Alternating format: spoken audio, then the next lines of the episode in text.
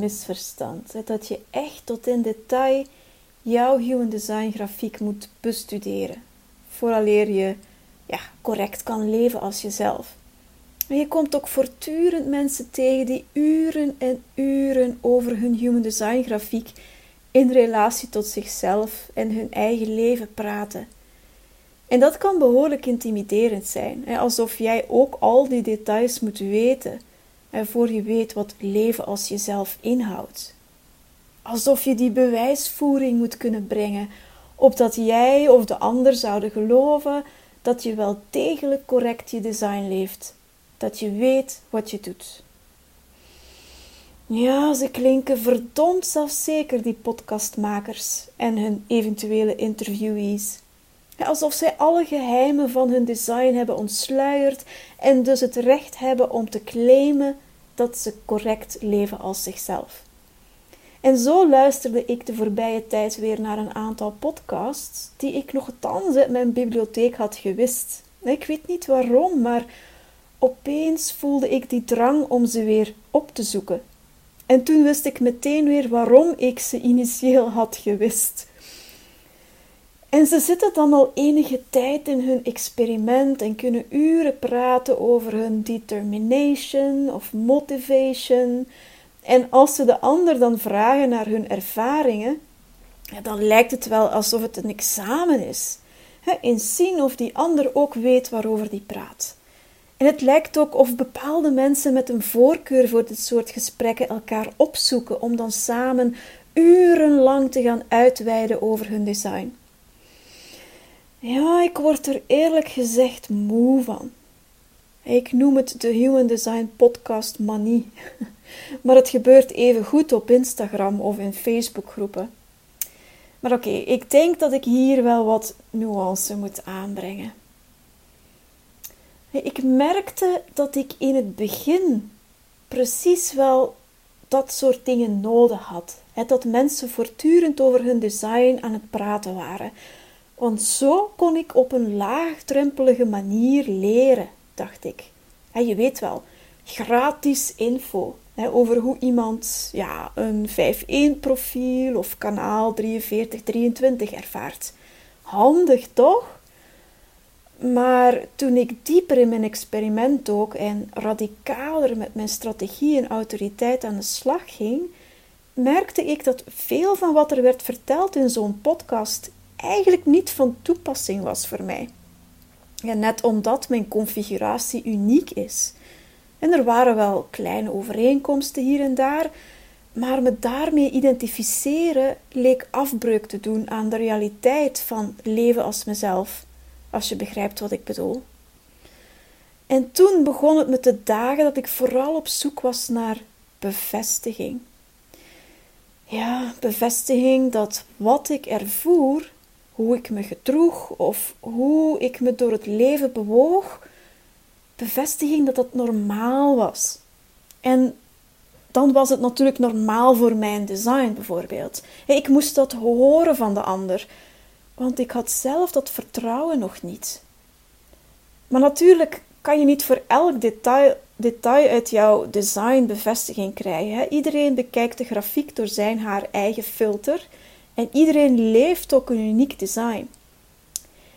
Dat een bepaalde expressie bij een bepaald kanaal hoort, bijvoorbeeld, wil nog niet zeggen dat dat ook jouw ervaring is. En dat de meeste projectors bijvoorbeeld slechts enkele uren per dag kunnen werken, hoeft daarmee nog niet jouw waarheid te zijn. Dus ja, hoe je het ook draait of keert, je valt altijd wel eens uit de boot. En als je dan weinig vertrouwen hebt in je eigen experiment, in het volgen van je strategie en autoriteit, ja, dan kan dat erg destabiliserend en verwarrend zijn. En misschien val je dan helemaal in de zelftwijfel vooral voor je geest, die het dan als bewijs zal zien dat er bijvoorbeeld iets mis met je is. Of dat ja, human design niet klopt, bijvoorbeeld. En dan kwam er een moment in mijn experiment, mm, in mijn vierde jaar geloof ik, dat ik zo ontzettend moe werd van mijn eigen onzekerheid dat ik besloot om het radicaler aan te pakken. Ik zou voortaan mijn strategie en autoriteit volgen, no matter what. En ik weet niet wat de klik in mijn hoofd heeft gemaakt. Ik kan, ik kan ook het moment niet echt pinpointen. Het was mijn vierde jaar al. Ik weet alleen dat ik opeens een soort kordaatheid en vastberadenheid in mezelf ervoer om het deze keer serieus te doen. En het duurde zes maanden van wachten op de uitnodiging. Vooraleer er weer iets in beweging kwam. Ik liep de muren op, hè. En je, ja, ik moet echt enorm veel gezaagd en geklaagd hebben bij de mensen om mij heen. Ja, allicht was ik op momenten gewoon niet te genieten. En op vele momenten wou ik het ook echt opgeven en human design zelfs gewoon verticaal klasseren. Maar toch hield ik vol. En toen gebeurde het. Op een bepaald moment begon ik op te merken dat het wachten toch niet zo vreselijk was. En dat er opeens heel veel tijd, ruimte en energie vrij kwam om dingen te doen die ik leuk vond. En ik ontdekte dat ik als vanzelf naar een aantal interesses werd ja, gestuurd, als het ware. En ik begon me daarin te verdiepen en ik begon te studeren en te onderzoeken. En ik ging als vanzelf ook veel vaker achteroverleunen en niets doen. een wandelingetje maken, wat langer tv kijken, wat meer aandacht besteden aan mijn huisdieren en zo verder. Dus ik ontdekte dat het wachten een enorme rijkdom bevatte. En ik merkte dat ik daar eindelijk in kon beginnen ontspannen. En dat is het moment waarop de uitnodigingen weer kwamen. En ik kreeg toen een hele race van leuke uitnodigingen. Meer dan ik ooit op zo'n korte tijd had gekregen. Dus ja, door die ervaring begon mijn geest meer vertrouwen te krijgen in het volgen van mijn strategie en het eren van mijn autoriteit. Het kon zich veel makkelijker overgeven aan het wachten, want het had eindelijk bewijs gezien dat het werkt. En ja, als vanzelf merkte ik ook dat bepaalde elementen uit mijn grafiek, hè, bepaalde dingen die ik had geleerd over human design, als vanzelf landen. Opeens begreep ik human design op een heel andere manier. Opeens begreep ik wat Ra Uruhu bedoelde met geen keuze. En toen gebeurde het ook. Er kwam een soort vloedgolf in me los. Een onverzadigbare honger naar meer. En ik ronde Living Your Design, Rave ABC's en Rave Cartography, dus de drie basiscursussen, binnen het jaar af. En dat wakkerde mijn honger alleen maar aan. Maar in tegenstelling tot veel van mijn studiegenoten had ik wel steeds minder behoefte aan praten over mijn design. Ik wilde het wel allemaal weten, het human design systeem van binnen en van buiten kennen, niet omdat ik zo mijn design kan verklaren, maar omdat ik een soort sturing voelde richting de professionele opleidingen. Iets in mij duwde me op dat pad om een human design professional te worden. En vanuit mijn geest verklaar ik het als ik wil het systeem door en door kennen om de hoogste kwaliteit aan begeleiding te kunnen verschaffen aan de mensen die me daarvoor uitnodigen. Maar eerlijk, ik, ik weet het eigenlijk niet. Ik, ik snap die hele beweging niet. Als je me dit een jaar geleden had verteld, dat ik een human design professional zou worden via de officiële weg dan nog, ja, dan had ik jou allicht vierkant uitgelachen. Hè? Want ja, de ketter die ik ben, duh. Er is niets in mij dat dat wou doen op dat moment. Maar dit keer geef ik eraan toe. Dit is waar het leven me van nature naartoe leidt en ik weet niet waar dit zal eindigen. Het vertrouwen is groot genoeg echter om mij simpelweg nu te laten meevoeren. Maar mijn geest, ja, die heeft er wel van alles over te zeggen hoor. Maar dat maakt niets uit. Ik laat hem maar praten. Het gekke is dat ik ergens had verwacht dat ik nu veel verbaler zou zijn geworden. Hè? Dat ik veel meer aan het schrijven zou gaan over wat ik leer en zie en dergelijke. Net zoals die podcastmensen die urenlang over hun design kunnen praten. Want ja, ik heb ontzettend veel bronmateriaal verteerd in dat voorbije jaar. Maar ja, wat er lijkt te gebeuren is dat ik net lijk te verstillen. Ja, ik krijg met moeite nog iets op Instagram gepost. Hè. Meestal zijn het dan gewoon quotes die iets in mij losmaakten. En ik schrijf minder frequent blogs en nieuwsbrieven. wat een verschil bij een jaar geleden. toen had ik zoveel te zeggen en te delen. Die druk. En die druk om te delen is er nog altijd hoor. Open hoofd en ajna, open wortel. En voor het op één na grootste deel ben ik collectief gedefinieerd. Maar ik geef niet meer toe aan die druk zoals vroeger. En ik merk dat de druk er wel is. En soms komt het tot een schrijven of een creëren, maar dan werk ik het vaak niet af. Dan blijft het liggen. De energie is er niet. Of de uitnodiging en de herkenning ontbreken. En dan hoorde ik Mary Ann Winnegar dit ene zinnetje zeggen in haar laatste online gathering op Zoom. I'm not here to do human design. I'm here to live my life as myself. Okay, grofweg vertaald, ik ben niet hier om human design te doen. Ik ben hier om mijn leven als mijzelf te leven. En wow, die kwam even binnen, zeg. Dat is het dan ook.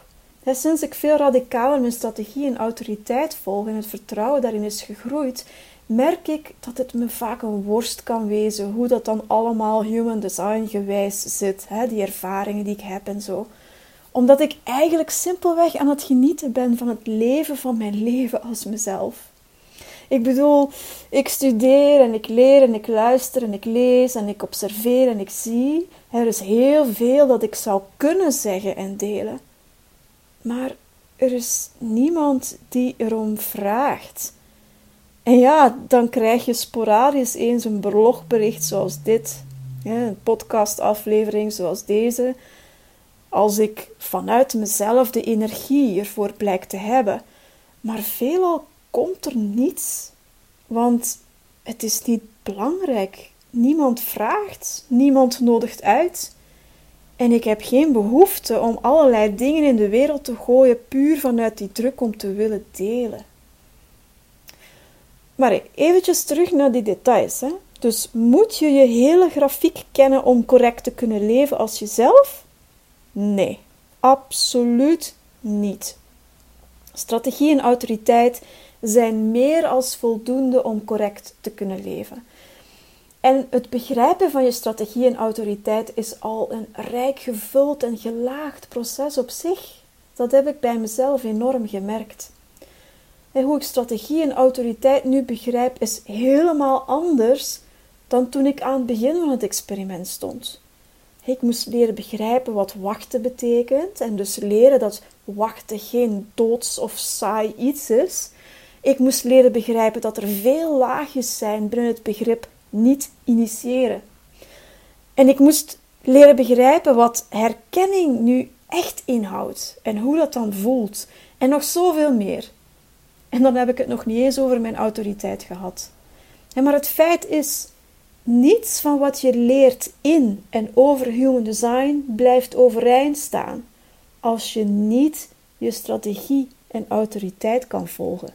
En je mag nog zo diep in de details duiken. Het zal nooit het experiment vervangen of vervullen dat je hebt met je strategie en autoriteit. En dat is ja, waar veel mensen de bal misslaan, merk ik. ze gebruiken human design en al die complexiteit van het systeem, het vele studeren, analyseren en dan uren praten over hun design versus hun ervaringen, als een manier om de ervaring van het volgen van strategie en het eren van autoriteit te omzeilen, heb ik de indruk. In de hoop dat ze zo ook daar komen waar strategie en autoriteit hen naartoe leiden.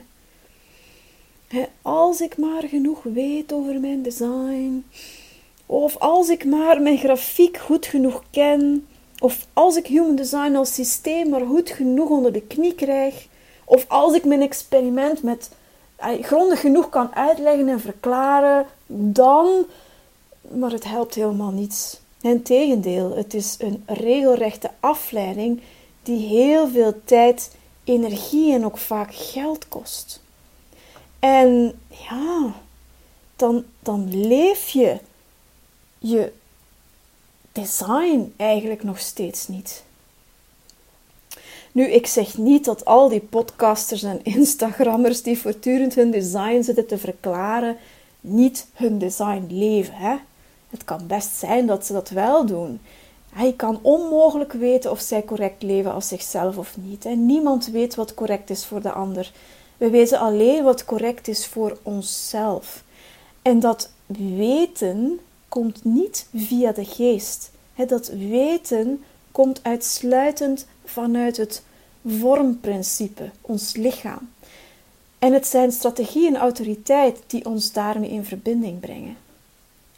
En in het begin is het experiment dus uitsluitend het leren vertrouwen op strategie en autoriteit. Er is geen ruimte voor iets anders, althans in mijn ervaring. En zolang je daar niet mee aan de slag gaat, maakt het niet uit wat je met human design doet. Het zal niet baten. En maar eens je met strategie en autoriteit aan de slag bent gegaan en het vertrouwen groeit, dan komt er ook ruimte om te spelen. En dan kan je je verdiepen in de vele aspecten van jouw grafiek. En ja, opmerken hoe dat zich in jouw leven aandient. dan kan je bewust eens iets uitproberen en merken dat er weerstand komt vanuit je autoriteit bijvoorbeeld. Maar ook daar is alles gestoeld op strategie en autoriteit. Je leert niet je correcte vertering te leven door vanuit je geest te beslissen dat je voortaan alleen nog na zonsondergang en voor zonsopgang voedsel tot je gaat nemen, omdat je hebt geleerd wat indirect light is. Nee, je leert je correcte vertering te leven ja, door je strategie en autoriteit te volgen en zo te ervaren hoe je doorheen het proces gaat van hoe je nu voedsel tot jou neemt en hoe je van nature van daaruit gaat deconditioneren en transformeren tot iets wat correct voor jou is. Maar je kan dat proces niet versnellen of naar je hand zetten of omzeilen. geen enkele kennis in de wereld zal dat versnellen of jou het naar je hand helpen zetten of omzeilen. Je kan het alleen ondergaan. En daarvoor moet je het aangaan. Hè? En strategie en autoriteit is wat ons helpt doorheen het proces te navigeren op een manier die correct voor ons is. En dat is iets wat de geest maar heel moeilijk kan begrijpen, laat staan dat het zich gewillig daaraan overgeeft. Nu, zolang je je strategie en autoriteit niet kan vertrouwen, blijf je vooral een mentale trip hebben met human design. En dan is zoiets als vertering zelfs een gevaarlijk iets, hè, wat meer schade dan goed kan aanrichten.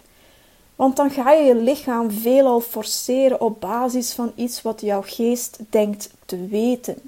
En zo kan je jezelf mentaal conditioneren met alle details in je grafiek. En als je dan eindelijk toch je strategie en autoriteit gaat volgen, dan ga je merken dat je daarvan dan weer helemaal moet gaan deconditioneren. Nu, het goede nieuws is dat je op elk moment een toegang hebt tot jouw experiment. En het is maar zo menselijk natuurlijk dat we niet op elk moment onze strategie en autoriteit kunnen volgen. Het is een leerproces waarin het cultiveren van vertrouwen vanuit de geest heel veel tijd en geduld vraagt. En het vraagt ook heel veel moed om zo jouw leven te leven, want ja, weinig mensen zullen het begrijpen, laat staan, goedkeuren of steunen of ondersteunen. Maar op elk moment krijgen we weer een nieuwe ingang. op elk moment een nieuwe kans om onze strategie en autoriteit te volgen. En na verloop van tijd merk je allicht vanzelf op dat het jou steeds beter lukt. Dat je steeds meer kan ontspannen in dat wachten of dat je steeds gevoeliger wordt voor die subtiele boodschappen van jouw lichaam. En dat de geest steeds meer de touwen in vertrouwen laat vieren. Om dan, ja, misschien op andere momenten weer even de autoritaire bullenbak uit te, gang, uit te hangen. Maar dat leer je op den duur ook wel herkennen. Het is een proces van vallen en opstaan, hè, ongeacht of je drie lijnen hebt of niet. Want we zijn allemaal heel diep geconditioneerd in de geest. En dan merk je misschien ook vanzelf op dat er ja, na verloop van tijd verstilling komt. Dat er minder behoefte is om alles te gaan uitleggen en verklaren aan de hand van je human design. Net omdat je hier bent om jouw leven te leven als jezelf en niet om human design te doen. En niemand is hier om zijn leven te leiden doorheen de lens van human design. We zijn allemaal hier om ons leven te leven als onszelf en zo van nature ons ware levensdoel te vervullen.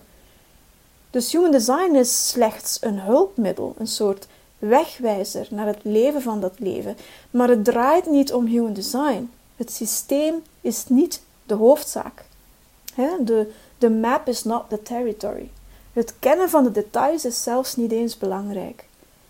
Maar natuurlijk kan nerden over human design grafieken en substructuren wel heel entertainend zijn, al zeg ik het zelf. Ik vind dat zelf ook wel eens leuk met momenten, vooral in de les, om dan ervaringen uit te wisselen met medestudenten bijvoorbeeld. Of in een gesprek wanneer ik iemand ontmoet die misschien ook een 5-1 profiel heeft of een tegenstelling met mijn design. Maar puur uit nieuwsgierigheid, puur voor de nuance, puur om de uniekheid in alles te kunnen zien. En zo studeer ik momenteel Rave Cosmology en start ik binnenkort met mijn Living Your Design Guide training.